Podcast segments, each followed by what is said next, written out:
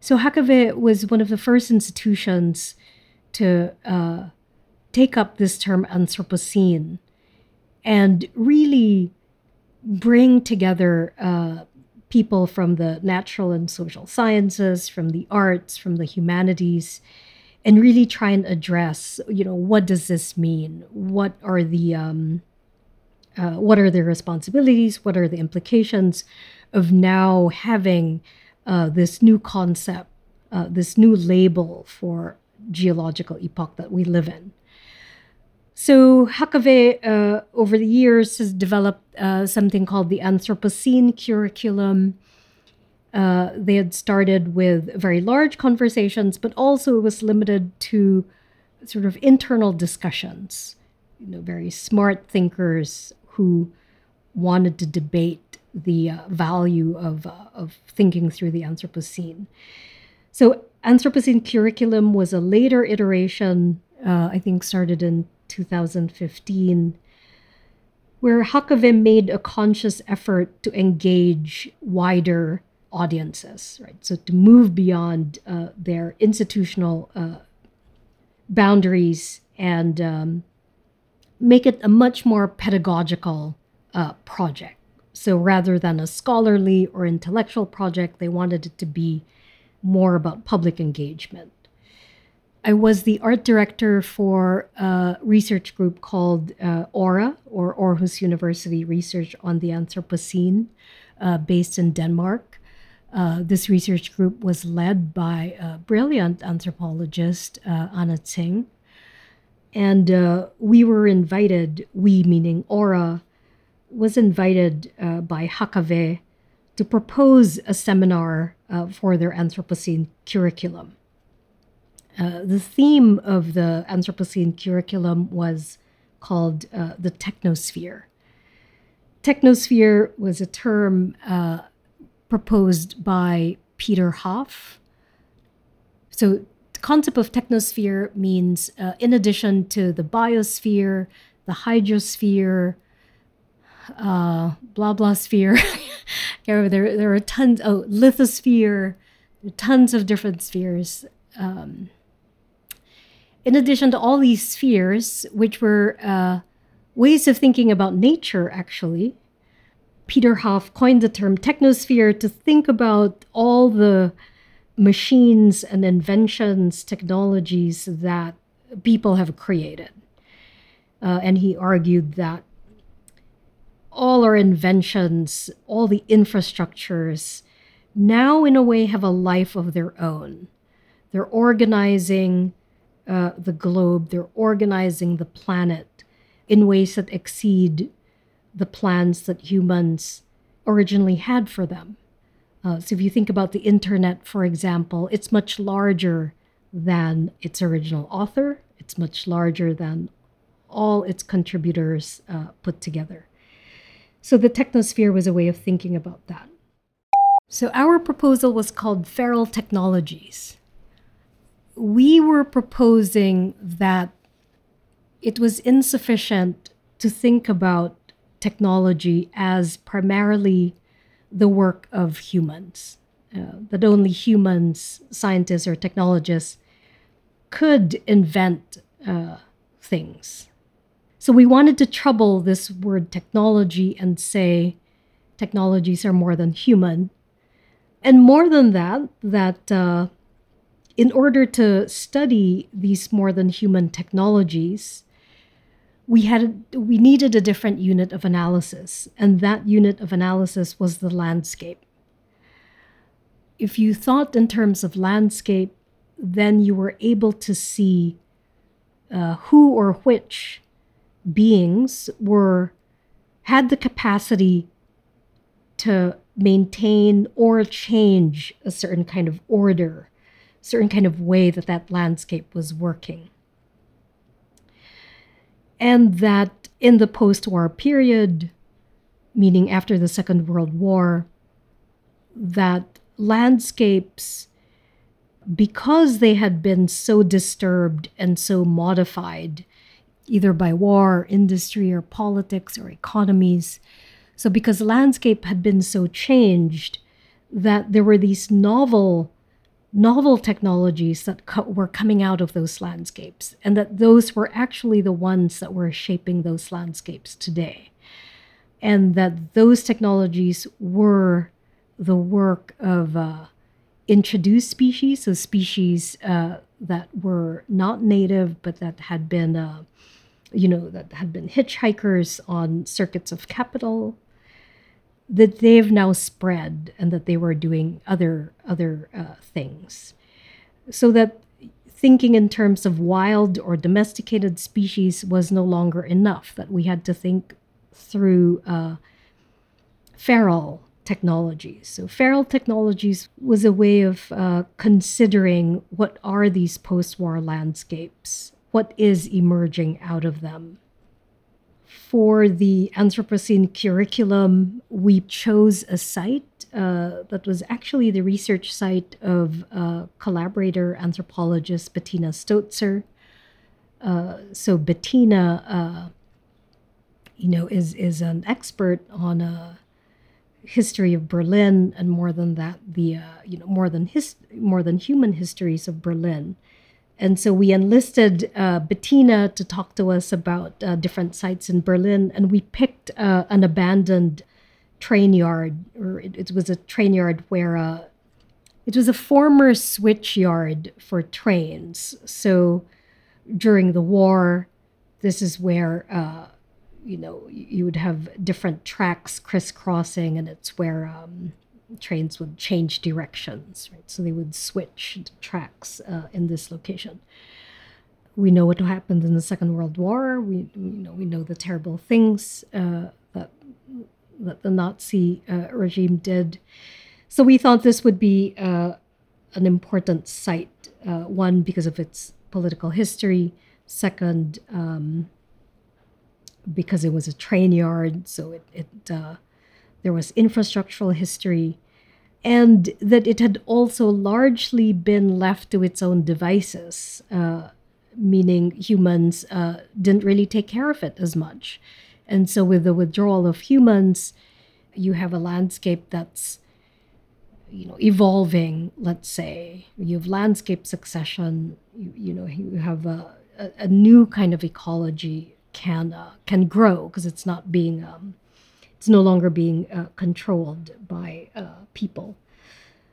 So we we use this abandoned uh, switchyard. Uh, we you know went on walks with a landscape architect and biologist who told us about the landscape, uh, and then um, instead of writing texts or writing a field report, which is you know usually what social scientists do or ecologists do so we decided we'd ask participants to uh, create uh, either games or clocks uh, based on what they saw.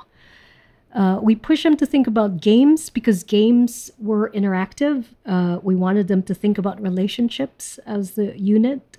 Uh, and so a game is a format that lends itself very well to thinking about relationships. clocks because we wanted participants to think about the long histories the critical histories as well as the evolutionary histories that went into the making of that site. So we were saying that there were lots of different temporalities uh, in that space they were looking at. So we asked them to design or at least to prototype games and clocks.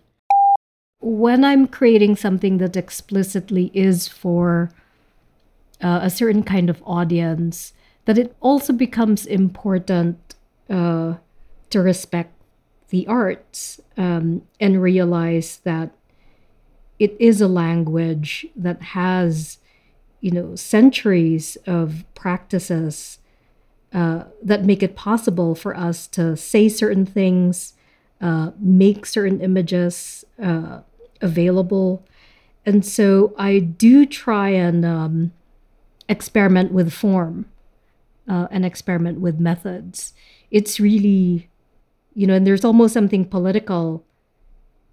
Well, actually, there there really is something political about uh, reserving uh, the space of art uh, in order to create a different kind of language.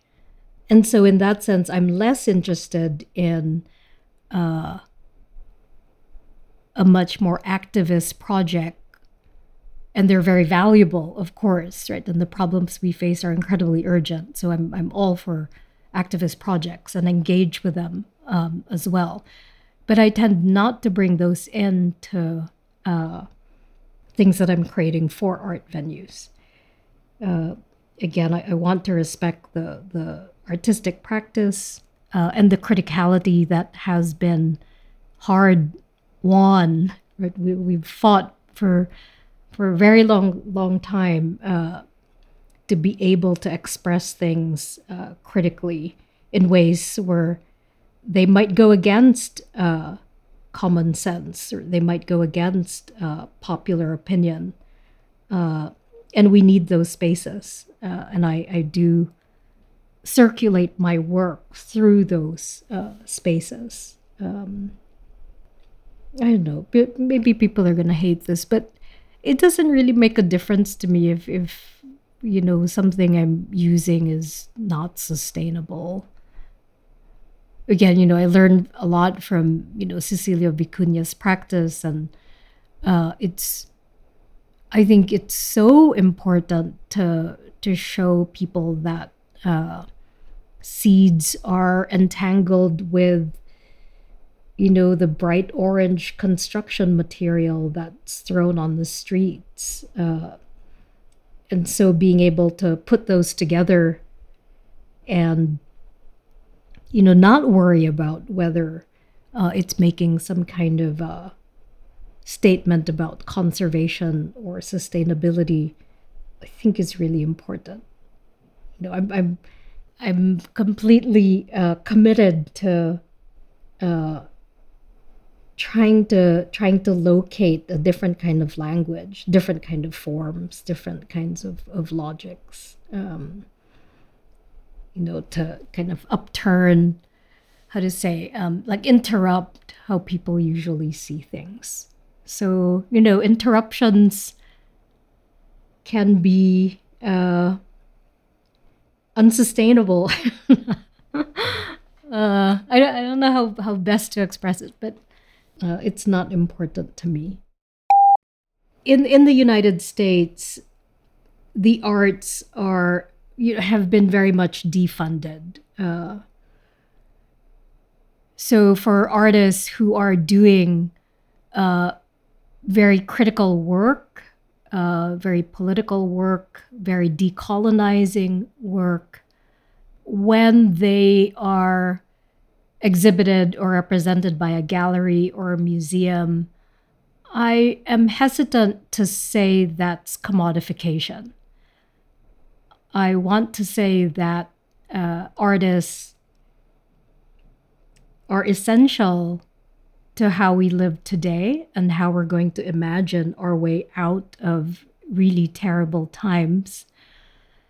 And so, exposure to larger publics, exposure to as many uh, audiences as possible, I, I think it's something that we should try to embrace and so I don't want to give that all to capitalism, right? I want to say that within the current institutions and markets we have, uh, that there are spaces that we can use.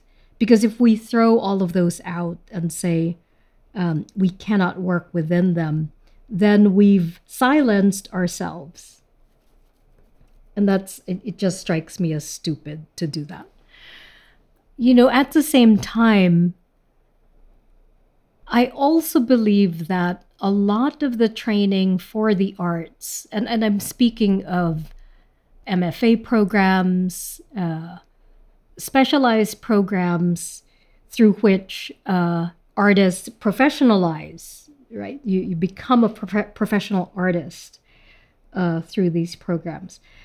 I do think that the training um, for these kinds of uh, uh, professional arts uh, are too committed to the individual expression of the artist. There's a priority that's given to being unique uh, and having the most novel idea ever. Uh, so there's this, you know, idea of the genius artist. uh, or the miserable artist who you know works on their own in some attic somewhere. So I think that that kind of training has to also rethink what aesthetics is and what it means to be a professional artist. That it might not mean uh, it might not mean just about creative expression for creative expression's sake. Uh, that there could be more room, I think, given to creative expression that is collaborative, uh, that is actually very grounded in the living world. Artists who are working um, collaboratively in groups, who are not so invested in uh, authorship or making millions of dollars, uh, but are actually very committed to building uh, new new social worlds. Uh, so artists who are very connected to the social order or the contemporary condition within which we are working. I mean, the, maybe the third thing to say about that is uh, that the arts are not just the the objects and performances that are supplied to us by uh, the big institutions. Um, uh, so we can find art in uh, in everyday lives, and we make it all the time. I think some of the most inspiring images in the last few months of, of this pandemic are people going out on their balconies in Italy and um, playing music to each other. Uh, you know, people cooking for each other, baking for each other. You know, one could think of those as uh, the art, uh, as, you know, the arts in a very grounded and very everyday way, um, which is the arts of, of making connections and the arts of um, actually sharing space with other people uh, and other species in very thoughtful ways. Um, you know, I think it's also very striking that uh, when things have gone really badly, that people turn to song or people turn to clapping for uh, doctors or emergency workers. Um, you know, what might it mean to honor those as arts? Um, uh, maybe we need to do more of that. You know, that art isn't something with a capital A and a singular, uh, but rather it's a small letter A and it's plural. Um, and we all have access to it. Whether or not the government decides to fund it, or whether or not institutions decide to put a label on it, uh, uh, we're all doing it all the time. So, chronometers for time travelers, they're four different sequences represented in four different containers. And the, e- each of the elements in the container is something that rice needs to uh, to grow. Uh, so one is water, then you have the seed, uh, then you have soil, and then you have air or uh, uh, temperature. Each of these containers has a sensor, so it's it's sensing, it's reading change uh, basically off of uh, w- what's happening in the container. So just as your your clock, like one tick might be a second, in these chronometers, that tick, that advance, is different for each of the elements one second of water time will be very different from one second in um, in soil time. It was a way of showing that they're all advancing and changing at different paces, in different tempos. That materials that are different are moving and changing uh, in different different ways.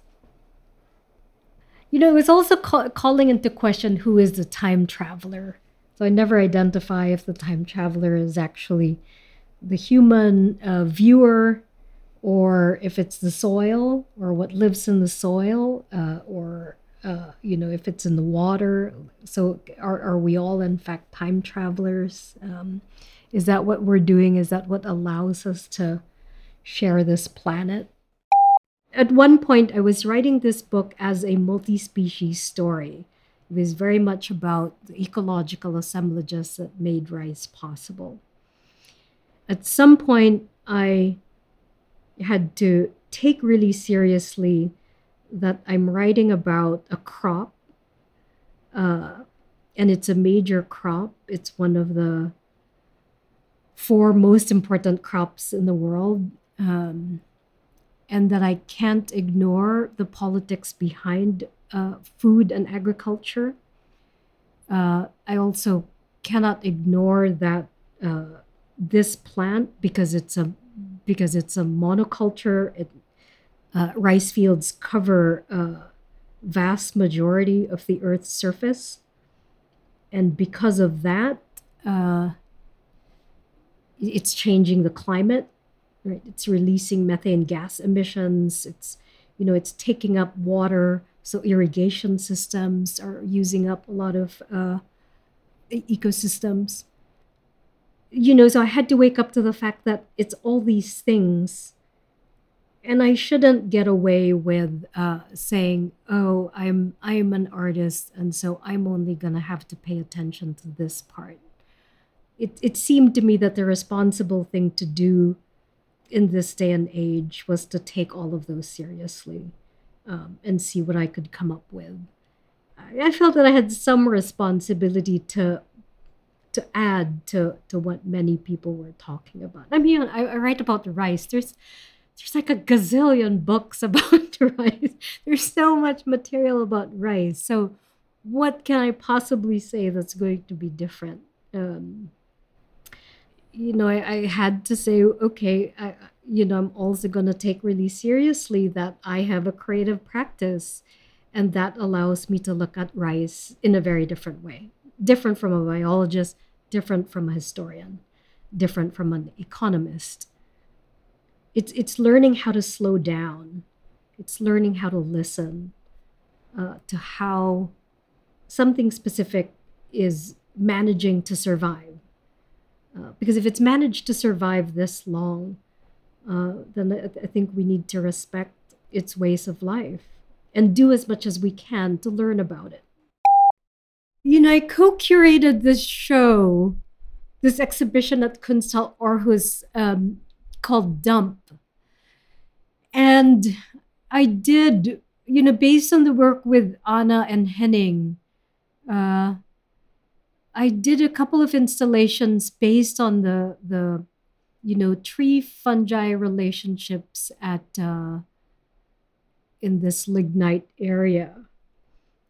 But one of the things that I was really grappling with you know, yes, I wanted to like see if we could do contact mics and, you know, try and record uh, how roots were working under the ground. And it was just too fine. Um, but one of the things that I was grappling with and things that I, I like a questions that I grapple with and this comes out i think from working with you know the difference between working with rice is it's farmed you know like people are cultivating like we can talk about domestication and cultivation. With fungi they're out in the wild uh, and and so you're really entering a multi-species world and so it was much more it was a much more it was a much bigger question in my mind about taking these uh, mycorrhizal species and putting them in an exhibition. I worried about that. We we ended up, uh, you know, in the exhibition putting, you know, one of the largest bracket fungi that have been found in Denmark. Uh, also, these um, they're called dead man's foot. Uh, it's a species Pisolithus that, that we found one of the dominant mycorrhizal species uh, in our field site. We did end up putting, you know, they were, they were huge speci- specimens um, put them in the exhibition. But I was not clear on whether to put. It seemed there, there there's something that made me uncomfortable about taking uh, wild mycorrhizal fungi and building an artificial system for them to survive in an exhibition space. I couldn't see why I should do that. I, am not saying that's that every artist should should do that. You know, should should or shouldn't do that. I'm not. I'm not making a big ethical statement at all, but it's a question that I think about a lot uh, as an artist who works with plants. You know, when you're working with living things, on the one hand, rice that's you know domesticated you know, agriculture, on the other, fungi that's not. I think about this question a lot. Why why take something, and if so, then I better have a really good reason for doing it, rather than like, oh, I have an exhibition and so I'm going to do it. For artists, writers, and even scientists, I think there's a method of world building, which is imagining some kind of story world, you know, a world or some setting through which your characters uh, can come to life, you know, where, where they become uh, believable or they become plausible um, for people that you're talking to for me, it's a little bit more expansive than that. World building for me is a technology that many species uh, participate in in order to survive. Um, so that it's less an imaginary fiction uh, or an imaginary figuration. And it's much, so for me, it's much more realistic. It's about going back to the materialities of the world uh, and that world is you know there are places that we actually live in uh, and those worlds include many other species. And while we live in them other species are making it possible for themselves for each other for us to live in those worlds as well. Um, and so paying attention to world building practices of other species is what i mean uh, by it I don't know. I hate to use this word collaborative because now you know everything is collaboration, and I, I don't think really that other species are trying necessarily to collaborate with us. Most of the time, they're probably trying to get away from us. So world building is for you know artists and writers and scientists or humanists to pay attention to the lived social realities that are going on. So it's to pay attention to worlds again. Um, pay attention to how other species are making their worlds. And possibly those two processes are always colliding uh, with each other.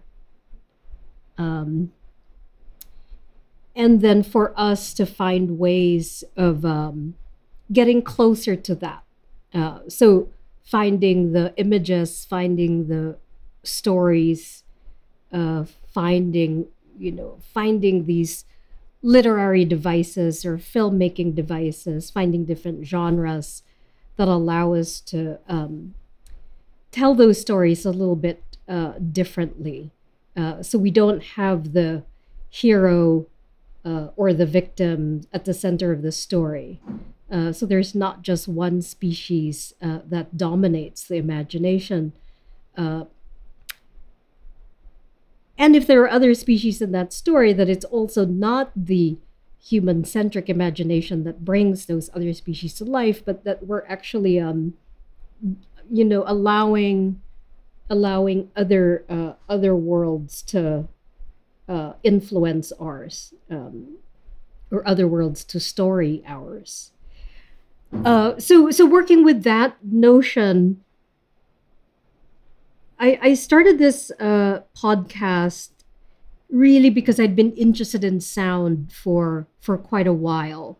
Um, you know, I work mostly with images and text, so I, am also very humble in in you know in, in, in what I'm, I'm trying to do with this. It's it's very much a research process.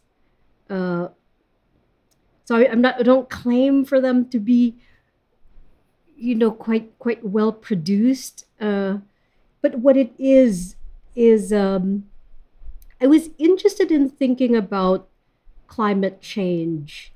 Uh, so the timelines that I work in are very long, uh, as you know. You know, my research project on rice, for example, has taken ten years, um, and then the writing of the book takes a long time.